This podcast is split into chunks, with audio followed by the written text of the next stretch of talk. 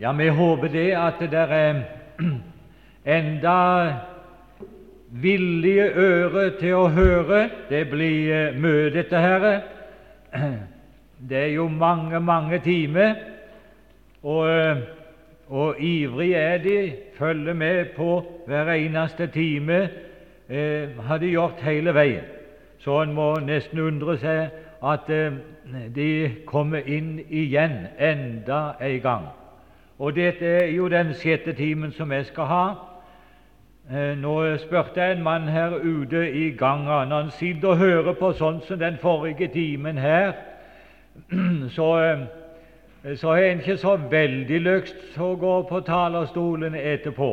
Det er sant. Jeg spurte en her ute her om ikke han kunne gå på talerstolen istedenfor meg. Men eh, det ble nå ikke noe av det. Jeg får lese enda en gang, eh, det, og det gjør jeg på grunn av at det er mennesker som aldri har eh, vært her før i dag. og Derfor eh, får vi lese det igjen, hele det avsnittet i 2. Mosebok 21, fra vers 1 til og med 6. Dette er de lover som du skal legge frem for dem. Når du kjøper en hebraisk trell, skal han tjene i seks år, men i det syvende skal han gis fri uten vederlag. Dersom han kommer enslig, da skal han gå enslig bort. Dersom han er gift mann, da skal hans hustru gå bort med ham. Dersom Hans Herre gir ham en hustru, og hun føder ham sønner eller døtre, da skal hustruen og barna høre hennes herre til, og han skal gå enslig bort. Men dersom trellen sier, Jeg holder av min herre, min hustru og mine barn, jeg vil ikke være fri og gå bort, da skal hans herre føre ham frem for Gud og stille ham ved døren eller ved dørstolpen, og hans herre skal stikke en syl gjennom hans øre og han skal tjene ham all sin tid. Herre Jesus, du vet at jeg trenger din velsignelse i denne stund, og slik at jeg kan tale og tale rett om ditt ord. Herre, det er bare Din Hellige Ånd som kan velsigne oss gjennom Ordet, og jeg ber deg om at det må skje. Og alle oss, alle de som er satt seg ned, er like avhengige av Den Hellige Ånd som er som står her. Derfor ber jeg deg om at Han må få arbeide blant oss, slik at vi er et hørsomt øre, et øre som kan høre. Og jeg ber om nåde til det, slik at du kan vokse, og vi kommer på den rette plassen. Herre, hør vår bønn. Takk for du hører oss i Jesu navn. Og er det kommet inn et menneske som enda ikke er frelst, så må jeg be deg om, Herre, at du vil opplade troens øre, så det mennesket kunne høres etter liv og salighet. Her er det store ting, men du formår, og det takker vi deg for i Jesu navn. Amen. Vi er kommet til siste verset, uten at vi akkurat er tatt i slik kronologisk orden. Men eh, Følgen av det som skjedde i kapittel 5, eller vers 5, ser vi nå i eh, vers 6. I vers 5 sto det at uh, tjeneren eller trellen sa:" Jeg holder av min Herre, min hustru og mine barn. Jeg vil ikke være fri og gå bort. Og så kommer det Da skal Hans Herre føre ham frem for Gud, dvs. Si de er Gud bestemte dommere. Han skal føre han opp til dommerstedet, og der skal Hans Herre stikke en syl igjennom øret på han og inn i dørstolpen og nagle han til dørstolpen. Og på grunn av det merket som han da får, og den pakt han der inngår, skal han tjene sin Herre all sin tid.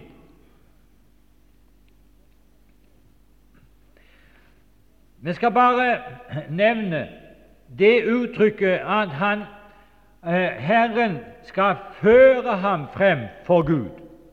Hvis vi slår opp Hebreerbrevet, kapittel 1, så vil du finne akkurat det samme uttrykket der, talt om Faderen og den Herre Jesus, som det her er et bilde på, som vi taler om her.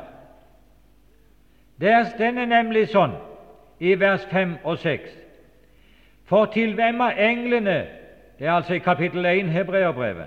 Til hvem av englene har han noen til sagt Du er min sønn, jeg har født deg i dag, og atter jeg vil være ham en far, og han skal være meg en sønn. Men når han atter fører den førstefødte inn i verden, sier han, og alle Guds engler skal tjene ham. Gud førte en dag tidligere sin sønn inn i verden. Og det har vi sett lite grann på. Han måtte fødes som et menneske, som den siste Adam, for å fullbyrde og være det ideal menneske som Gud hadde bestemt for menneskeslekten at de skulle være. Og han kom for å være det idealet. Det var Aure Bekk i forrige time som brukte idealet. Jeg brukte uttrykket 'mønsteret' av mennesket som Gud hadde bestemt. Og da er det noe i forbindelse med det eh, som eh, jeg ofte har undra meg over, og vel aldri vil komme til bunns i, det er at eh, Gud greide å føre sin sønn inn i verden med så veldige midler uten at han ble sett. Det er for meg temmelig ufattelig. Og Jeg skal bare nevne noe av det. Ja, forresten så henger det ganske i tråd med det der står i Esaias kapittel 4 og vers 5, i profeten Esaias. Og jeg skal bare sitere det. Overalt herlig er der et dekke, og det må i sannhet være sant om den herlighet som var i Jesus, at Faderen greide å tildekke han på tross av at han med så åpenbare midler fører han inn i verden, det har jeg mange ganger undret meg over. Og Jeg skal bare nevne det. Når det skal fødes når de venter et barn i kongehuset, så får vi greie på det som regel mange måneder før. Mange måneder før. Når de bare er vist på at nå er det begynt å bli liv i mors liv, så proklamerer de dette med pomp og prakt i aviser, i TV og i radio at nå er det venta et barn i kongehuset. Og Jeg glemmer ikke eh, når eh, prinsessen eh, skulle ankomme i kongehuset vårt, og så det var proklamert lange tid i forveien at nå venter de barn i kongehuset. Men hør, min venn, Gud er ikke kleinere, han. Og langt ifra. 4000 år før han kom, så hadde Gud sagt ifra at han skulle komme. Allerede på fallets dag sa Gud at han skal komme. Kvinnens sæd skal knuse slangens hode. Så jeg skal si Gud var tidlig ute.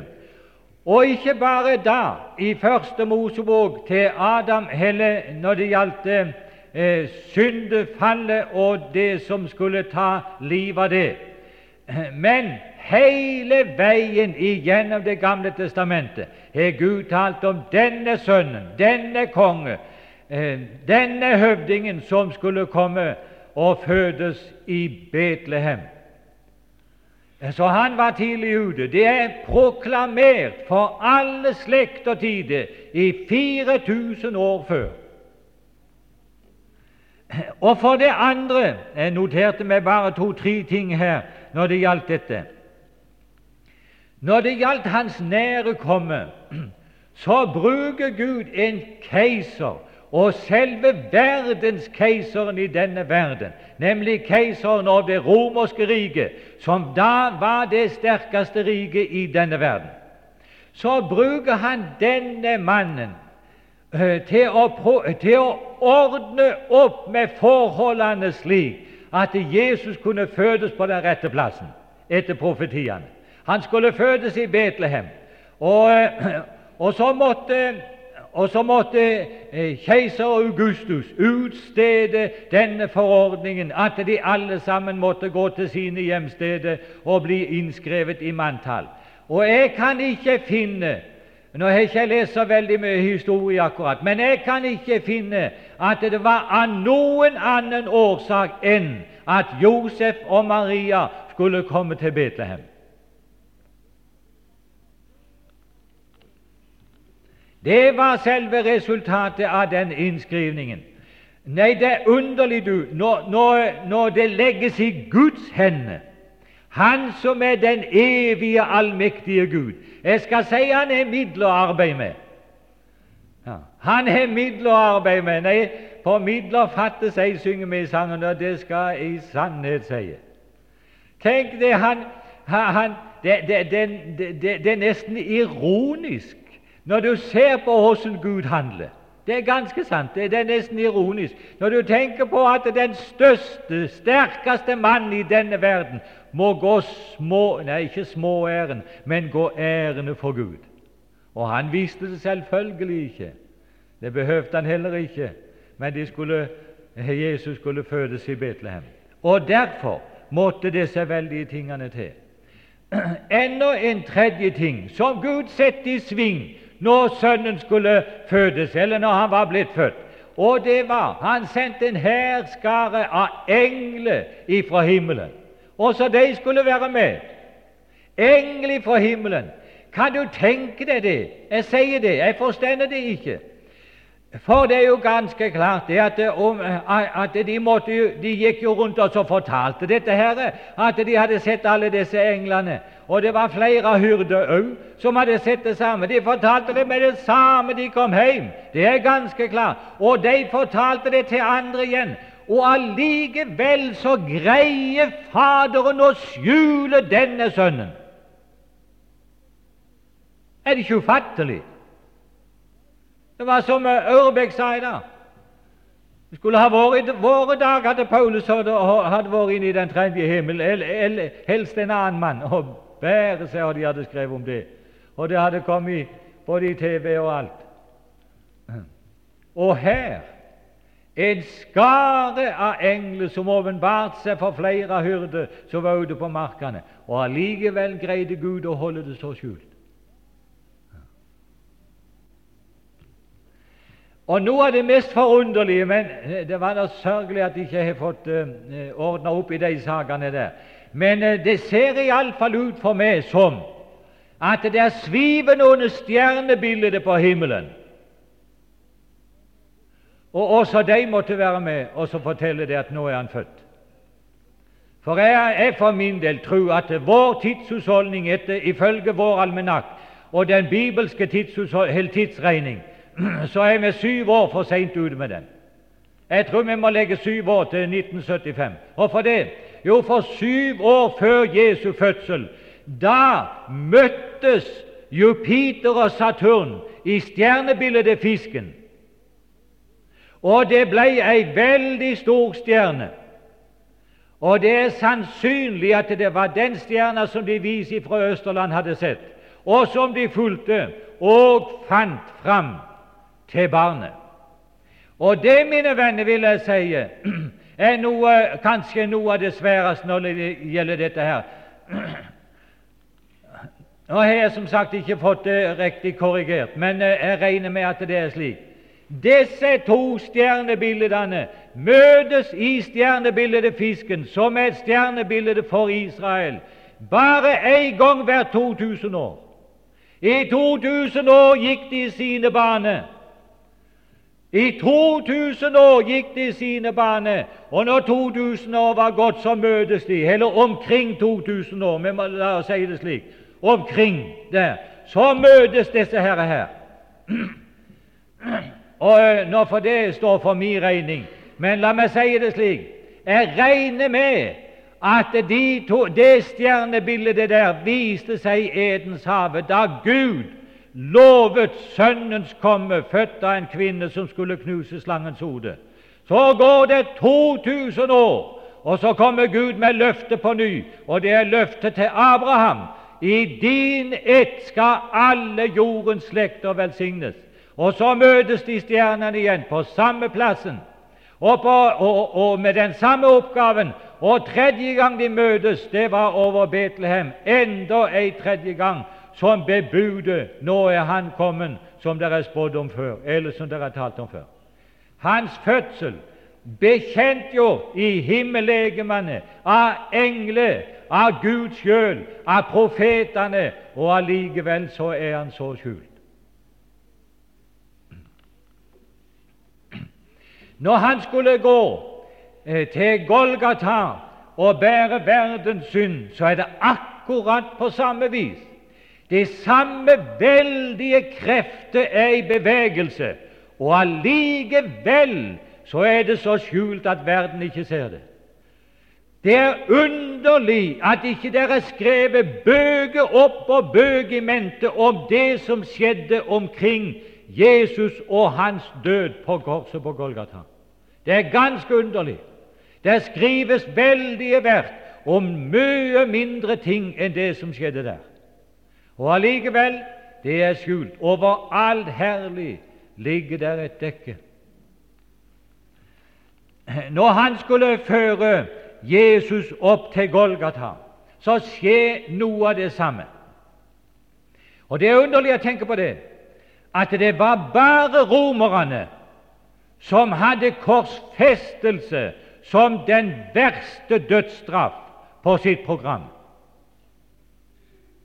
Jødene, hvis de skulle ha tatt livet av Jesus, så hadde han blitt stenet. For det var deres måte å ta livet av et menneske på. Det var bare romerne som hadde den fryktelige straff at de skulle spigre et menneske på et kors, og der skulle han henge til han døde. Og så ordner Gud det sånn fordi at han skulle ha få merke ikke over hele kroppen som Stefanus fikk det, som ble steina. Han skulle få merke i sine hender og i sine føtter. Det var profetisk talt. Han skulle få et spydstikk i sida. Det var profetisk talt. Derfor måtte det skje slik. Og så kostet det Gud ingenting å ordne med disse veldige krigsherrer og disse veldige krigsmakter slik at det tredje verdensriket, det greske riket, som var delt i fire, det ble oppslukt av det romerske riket omkring år 200 før Kristus. Det kosta Gud ingenting å slette slike veldige ting i bevegelse. Og det skjedde også for at profetenes ord skulle gå i oppfyllelse. Han skal få merke i sine hender og i sine føtter. Ser du den veldige makt som står bak? Og Hvis du leser apostelgjerningene kapittel 4, eh, så kommer det der ganske tydelig fram just akkurat det at det er Gud som er i ferd med å føre saken eh, når det gjelder når det gjelder denne trellen og hans forhold til sin hustru, så er det Faderen, eller Herren, som fører denne saken. Og her er det nettopp det anskueliggjort for oss, også gjennom kapittel 4 i apostelgjerningene. Det står sånn i vers 24 og følgende Da de hørte det, løftet de samdrektig sin røst til Gud og sa:" Herre, du som gjorde himmelen og jorden og havet og alt det som i dem er. Du som ved din tjener Davids munn, som eh, sa Hvorfor fnyste hedningen og grunnet folkene på det som forfengt er? Jordens konger steg frem, og høvdingene samlet seg sammen mot Herren og mot Hans salvede. Ja, i sannhet, i denne by samlet de seg mot din hellige tjener Jesus, som du salvet. Både Herodes og her kommer det enkelte mennesket fram. Der hadde Gud fått tak i en mann som var akkurat av den støpning som han måtte ha i det veldige verk som nå skulle foregå. Og så fant han Herodes, Og så, uten at Herodes visste det, uten at noen av de eh, regjerende der i den romerske hærmakt visste det, så ble Herodes kalt til Jerusalem. Herodes og Pontius Pilatus Gud måtte ha et menneske med en slik karakter som han. Og så fant han Pontius Pilatus. Nå må du til Jerusalem. Jeg har noe jeg skal gjøre igjennom det der oppe i Jerusalem. Og så måtte Pontius Pilatus gå. Og ikke bare det, men så står det videre med hedningene og Israels folk. Så hadde Gud ordna det slik at også hedningene var der. Det var jo her tatt av hedningeverdenen, av den romerske hærmakt, var Jerusalem. Så her ser vi hvordan Gud kaller i sammen ifra alle kanter når det gjelder dette eh, veldige som han nå er i ferd med å gjøre, nemlig det store forsoning, den store forsoningsdagen som det var talt og spådd om i årtusenet skulle nå foregå. Det andre som jeg vil peke på i den forbindelsen, det er uttrykket som vi ofte støter på i Bibelen, i særlig grad i Johannes kapittel 1 og vers 29, og det vet de om alle sammen. Der står det at det er Guds lam. Se der, sa døperen Johannes, Guds lam. Jeg må få eh, oppholde oss litt bitte grann med det uttrykket der, Guds lam.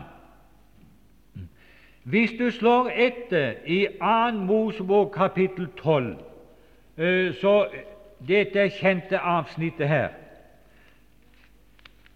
så er det den første påske skal foregå.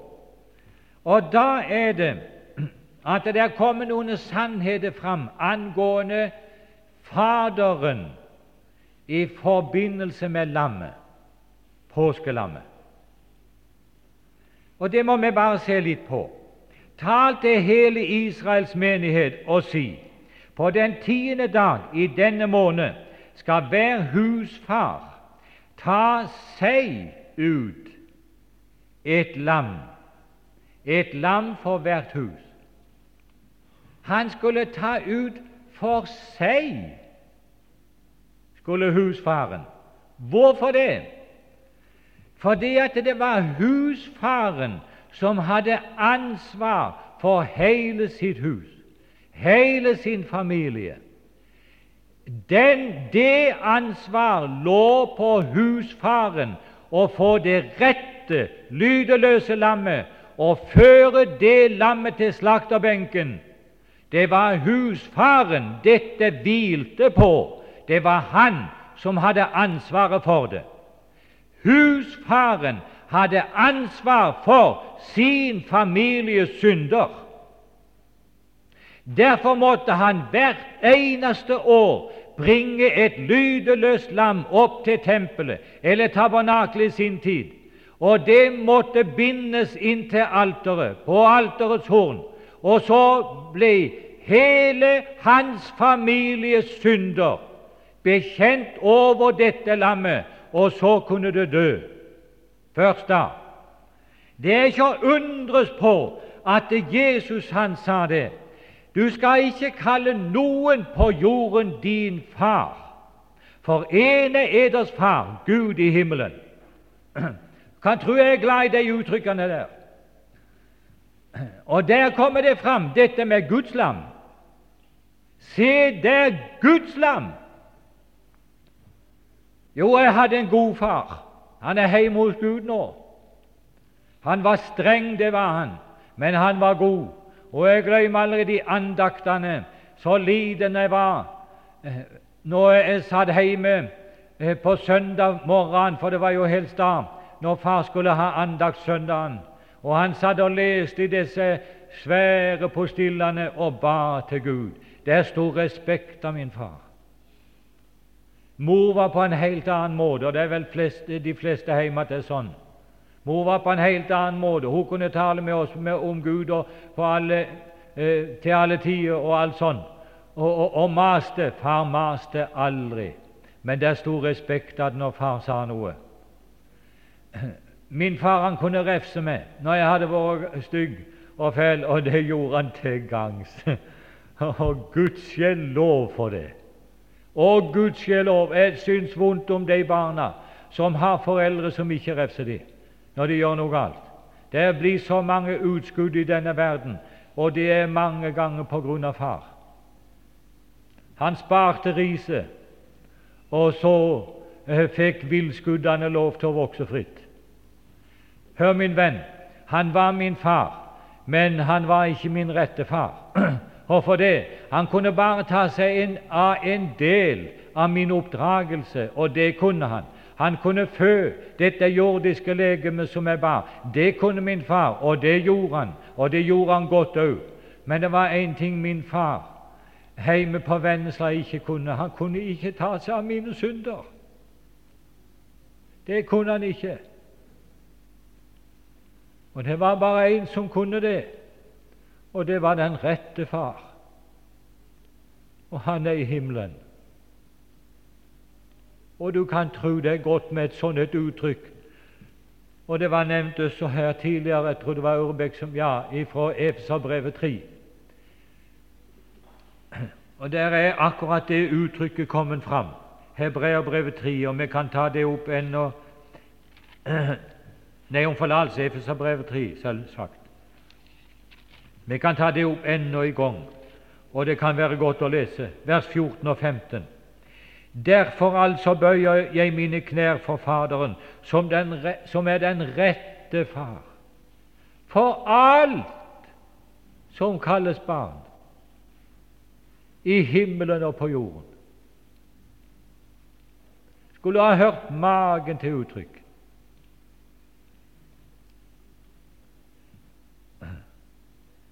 Det står i, i neste kapittel 4, vers 6 at Han, Faderen, han er én Gud og alles Fader. Og Nå skulle jeg ønske det at du satt her på benken, du som enda ikke hadde fått oppleve frelsen. For nå er det noe som du har bruk for. Hør, min venn.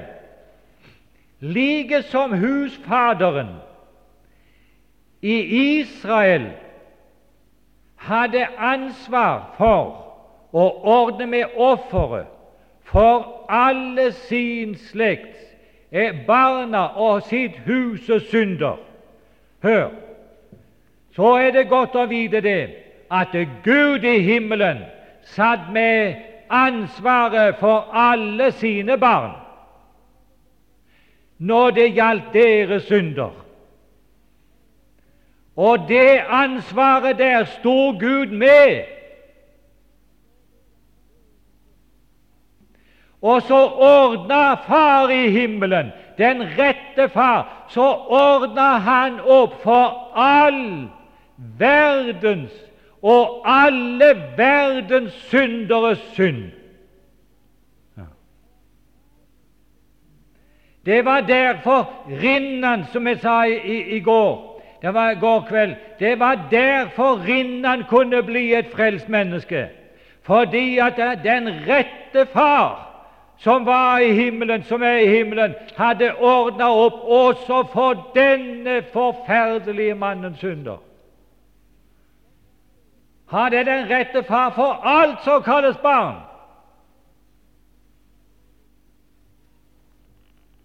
Det er ikke en mann og ei kvinne, det er ikke et menneske i denne byen her og i Vennesla og i Norge og i verden uten at Far i himmelen har ordna opp med alle deres synder. Det var noe som lå på Han. Og Det finner du så fint sagt i, i um, Esaias 53, som vi alle sammen vet. Og der heter det:" Men Herren lot våres alles misgjerninger ramme ham. Hvorfor Herren? Fordi at han hadde ansvaret for det. Å, min kjære venn, hva dine synder er, hvor mange de er, det vet ikke jeg. Og slibrige de er, det vet ikke jeg. Og grove de er, jeg aner ikke det. Men jeg vet én ting, og det var din rette far, om du er aldri så ufrelst, så har han ordna opp med alt sammen. Det var Guds lam som kom.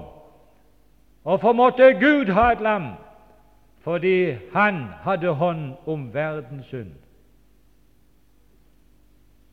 Det er det enkle budskapet. Og det gjelder ikke bare jødefolket. Og jeg, må, jeg regner med Nå kunne vi visst ha spurt John, for han sitter her inne. Men vi skal ikke, vi skal ikke belemre han med flere spørsmål nå. Men, men det slo meg, det. Jeg har tenkt på det før, om ikke det er slik. Når det står det i vers 3 i 2. Mosebok 12 at eh, på den tiende dag i denne måned skal hver husfar ta seg ut et lam. Et lam for hvert hus. Og så står det videre Men dersom huset er for lite til et lam, skal han og hans nærmeste nabo ta et lam sammen. Det var aldri tale, var aldri tale om at huset var for stort, men det var tale, men det var tale om at huset var for lite. Og Så måtte han ut til naboen. Jeg regner med at det er oss som er naboen. Huset det var Israels hus, men det var for lite til Israels hus. Det var, eller det var for svært til bare Israels hus. Det måtte ut til alle de andre. Det måtte ut til den nærmeste naboen, og så kom det så ut til oss. Så fikk vi nyte det samme lammet. Ja, Gud være lovet for det. Og Det var derfor Jesus kunne si, eh, når han eh, hadde avslutta eh, dette vidunderlige frelsesverk, så sa han, gå ut i all verden. Gå ut i all verden ut til hedningene, ut til all verden. Den marsjordren den er like aktuell i dag som han noen har vært før. Ut i all verden. Og Det var vel derfor Paulus kunne si det, at uh, dette påskelammet det er vårt lam. Det kunne han si til korintierne, som var hedninger. Og så heter det uh, videre her i vers 6 i 2. Mosebok 21, dette verset som vi har for oss nå. Og han, han skal føre ham frem for Gud, dvs. Si de av Gud bestemte dommere, og stille ham ved døren eller ved dørstolpen, og Hans Herre skal stikke en syl gjennom hans øre, og han skal tjene ham all sin tid. Jeg tror jeg bare må ta med noe av dette når det gjelder at han førte ham frem eh, for dommerne og stakk en syl gjennom hans øre. Men før jeg sier noe om det, så er det et uttrykk som vi må ha med oss, og det er ifra Johannes, kapittel 19 og vers 17.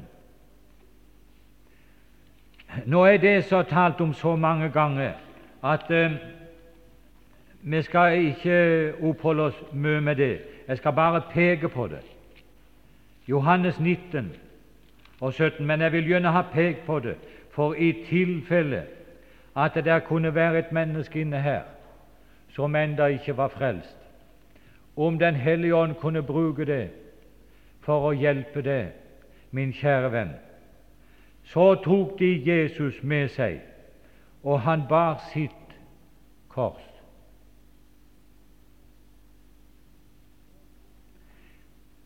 Det er det uttrykket 'sitt kors'.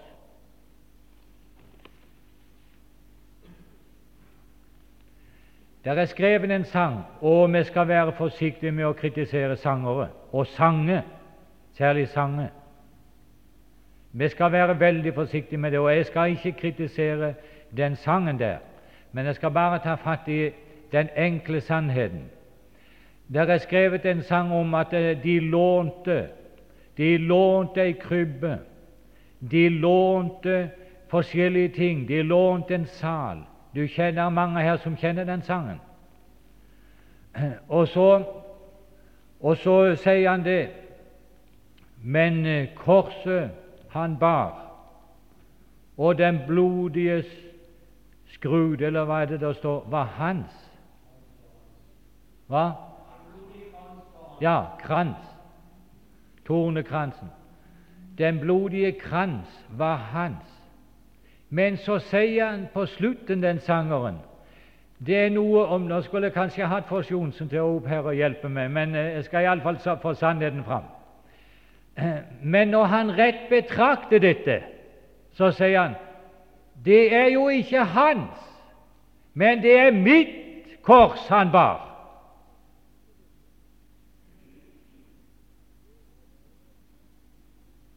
Jeg betviler det.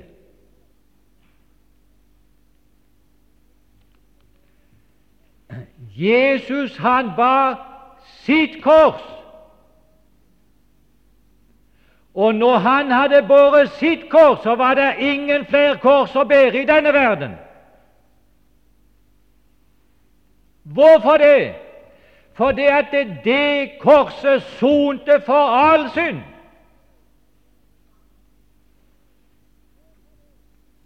Det var inget kors av den karakter mer å bære i denne verden. Jesus bar sitt kors. Hvorfor det?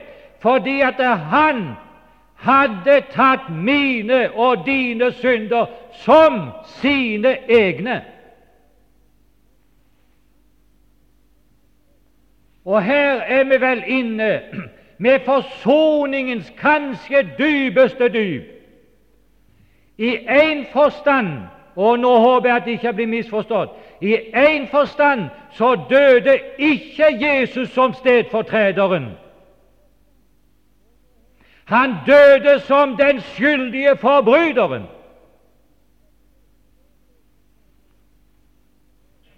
Forstår du det jeg taler om? Skal jeg bruke et bilde? Det er en som er dømt til døden. Det kan være hva det vil for. Så kommer det en annen, og så, og så sier han det. 'Jeg skal dø istedenfor det Vi hører mange beretninger om det eh, i, i, i, forkynnelsen. Gjør vi. Da kan den mannen der, eh, enten han skal brennes, halshogges, pines i hjel på andre måter, det vet vi ikke, det er uansett hva det er, da kunne han dø med en slags tilfredsstillelse av at jeg dø istedenfor han der er der. Det er en tilfredsstillelse med det, hvis du forstår det språket jeg nå taler. Slik døde ikke Jesus. Han døde som den skyldige. Han bar sitt kors, og på det korset var all verdens synd lagt, vil si på hans legeme. Det er intet sånt et kors mer å bære. Alle de andre kors, og det korset Jesus taler om, som vi skal ta opp og følge Han Hør!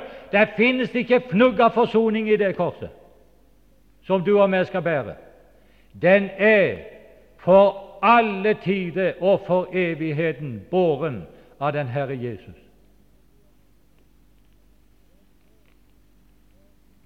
Og så til slutt et uttrykk om, eh, som det sto her, at han skal stikke en syl gjennom hans ør. Her er jo mange som nå eh, vet hva det sikter til. Og det er ganske klart at det sikter til når Jesus skulle føres opp på dommerstedet. Hvor er dommerstedet henne? Det er på Golgata. Der møtes himmel og helvete. Der møtes jøde og hedning. Der møtes alt det som Gud hadde bruk for på dommerstedet som tilskuere til det som nå skal skje. Og jeg sier det igjen det er underlig at ikke det er skrevet veldige bøker om igjen og om igjen om disse tingene og det som skjedde omkring hans død. Men la meg bare si det og enda en gang henvende meg til deg hvis du er her og ikke frelst. Det er det at det var Hans Herre som skulle stikke en syl gjennom hans øre. Han overlot ikke det til noen annen. Det var han selv. Ja, Arne, åssen kan du snakke slik? Jo, for jeg har skriftbevis på det. Kolossenserbrevet kapittel 2. Og la oss ta med det nå til slutten. Kolossenserbrevet kapittel 2, ifra vers 12 til og med 15. Jeg tror vi må lese de versene der. For hør, her er Gud i forbindelse med Golgata og det verket der nevnt syv ganger, og det er sikkert ingen tilfeldighet. Faderen, som her er benevnt som Gud, er nevnt syv ganger. I det I ble begravet med ham, og ham, det er Kristus, i dåpen, og i den ble vi òg oppreist med ham ved troen på Guds kraft, Han som oppvakte ham fra de døde. Der kommer det ordet fram først. Det er Guds kraft som gjorde det, og så. Også eder som var døde ved eders overtredelser og eders kjøds forhud. Eder gjorde han Hvem han? Faderen. Levende med ham, med Sønnen. I det han, Faderen, tilga oss alle våre overtredelser. Og det er bare Han som kan tilgi. Det er bare Faderen, for det var Faderen som hadde ansvar for våre synder. Og utslettet skyldbrevet mot oss som var skrevet med bud, og det som gikk oss imot, det tok Han bort. Han, Faderen, tok det bort. På hvilken måte? I det Han, Faderen, naglet det til korset.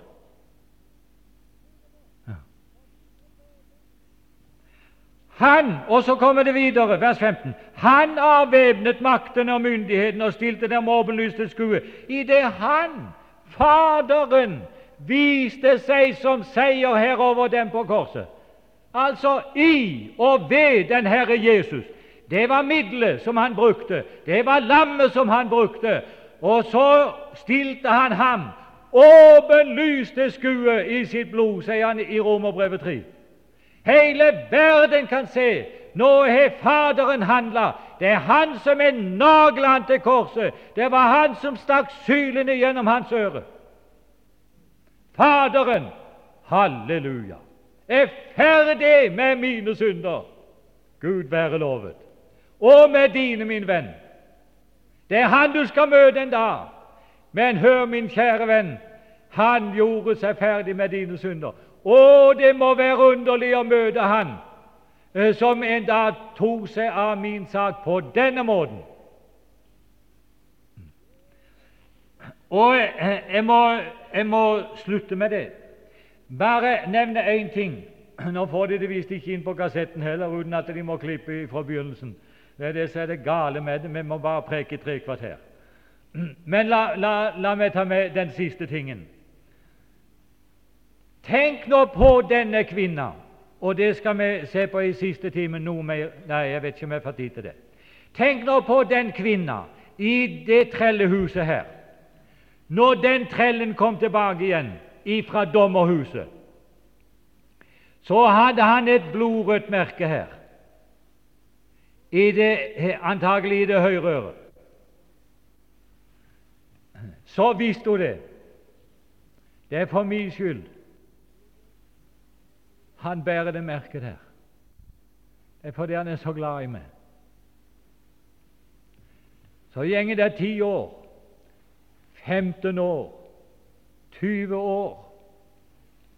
Og så gjenger hun og ser på denne mannen med det røde merket som aldri går ut. Når det har gått 20 år, så kan hun si å, han fikk det fordi han var så glad i meg. Derfor gikk han den veien. Min venn, jeg har mange ganger sagt det. Jeg sier det aldri mer.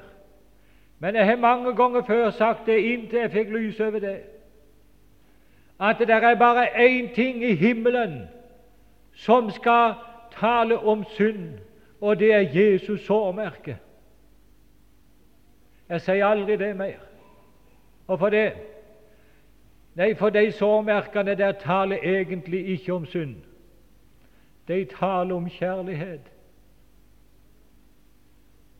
når det er gått tusen år i evigheten, så skal jeg fremdeles se de merkene der.